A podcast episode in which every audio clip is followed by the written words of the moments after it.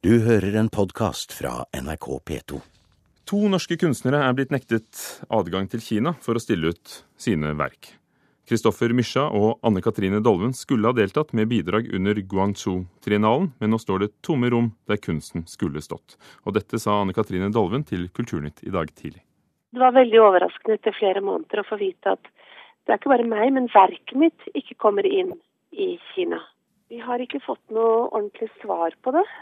Men jeg vet jo at det er et anstrengt forhold mellom Kina og Norge nå. For meg så er kunst ikke å heise et flagg og ikke noe med nasjonalitet å gjøre. Det er for å åpne landskap. Anne Katrine Dolven. Mette Halskov Hansen, professor i kinastudier ved Universitetet i Oslo. For ett år siden avslo Teaterakademiet i Shanghai å komme til Norge der de skulle ha fremført en Jon Fosse-oppsetning, og nå nektes disse kunstnerne å vise, eh, vises i Kina. Er det blitt vanskeligere å drive med kulturutveksling mellom Norge og Kina?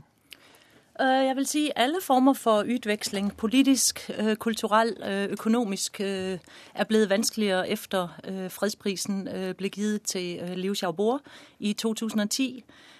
Så det at der er to kunstnere nå som ikke har fått visum, det føyer seg på en måte inn i et mønster. Det er ikke for å ramme lige præcis disse to personer. Det er heller ikke, sannsynligvis heller ikke for å ramme kunsten spesielt. Der er ganske mange der har opplevd forskjellige typer problemer med å få visa og ha samarbeidet med Kina siden fredsprisen ble delt ut. Hvordan fungerer en sånn skal vi kalle det sensur eller politisk markering? Er det noen sentrale myndigheter da, som sender direktiver, eller hvordan, hvordan klarer de det? For det er et stort land. Altså, Vi vet jo egentlig veldig lite om hvordan det sånn helt konkret fungerer. Øh, men det er ingen tvil om at øh, hvis vi ser på liksom, den øh, utviklingen der har vært siden fredsprisen i 2010, så startet det egentlig umiddelbart efter med at en del som drev handel med Kina, en del bedrifter, fikk problemer. Det bygget seg opp egentlig ikke veldig resten, sånn litt, litt, efter, litt efter hvert. Øh, og så ser vi at øh, efter noget tid, så har flere av de store bedrifter, deriblandt øh, Norske Veritas, gått ut og sagt at nå har det normalisert seg for dem. Deres problemer er blitt løst. Men samtidig med det så ser vi at f.eks. noen journalister, noen forskere, rektorer og kunstnere de kan da få problemer. Har dere øh, Universitetet i Oslo fått problemer? Det er også enkelte personer der har problemer på Universitetet i Oslo. Men det betyr, ikke, det ikke at man rammer alle. Det er ikke et sånn totalt boikott. Og det er heller ikke sånn å forstå at der liksom sitter noen på toppen i det politiske system, og så sier de OK, nå rammer vi alle i Norge. Der er noen, sendt noen meldinger ut helt klart til ambassaden om at man må øh, forsøge å begrænse en del øh, utveksling. Øh, og hvordan det så helt præcist rammer, og hvem der blir ramt hvornår, det er ingen helt i stand til å forudse.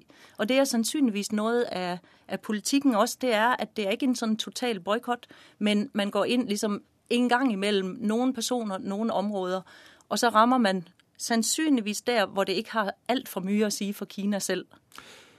Jeg skal bare nevne at Vi har ganske iherdig prøvd å få en kommentar fra den kinesiske ambassaden i dag uten å, å lykkes, nettopp for å stille dem dette spørsmålet, hvordan, hvordan, de gjør det og hvorfor. Eh, men hva tror du, Mette Halskov Hansen, at Kina føler at de har å vinne på, på denne typen boikott? Jeg tror ikke at det er sådan en bevisst tanke om at nå er det noe bestemt vi skal oppnå, eller bestemt, noe bestemt vi skal vinne. Det var øh, et ganske Øh, det var nok sånn et slag i ansiktet for øh, kinesiske myndigheter at fredsprisen ble givet øh, til Liu Xiaobo. Man oppfattet det veldig, som en veldig negativ ting. Og man oppfattet det også som en veldig politisk, politisk pris som regjeringen og norske myndigheter på en måte stilte seg bak. Sånn blir det oppfattet. Øh, det man ønsker å gjøre med, med denne type handling, det er på en måte en, en, ganske sånn kraftig symbolsk markering av at man er veldig misfornøyd øh, med den tildeling, og også at man er misfornøyd med øh, at, at Norges myndigheter ikke man mener ikke at de har liksom gjort nok for å, å unnskylde det eller forsøke å bedre øh, forholdet. Så det er nok ikke noe veldig sånn konkret kinesiske myndigheter ønsker å oppnå. Men, men anses kulturutveksling, kunstverk som spesielt uh, farlige, truende, eller, eller er det vilkårlig? Nei, det gjør det ikke. Og det er egentlig nettopp hele poenget.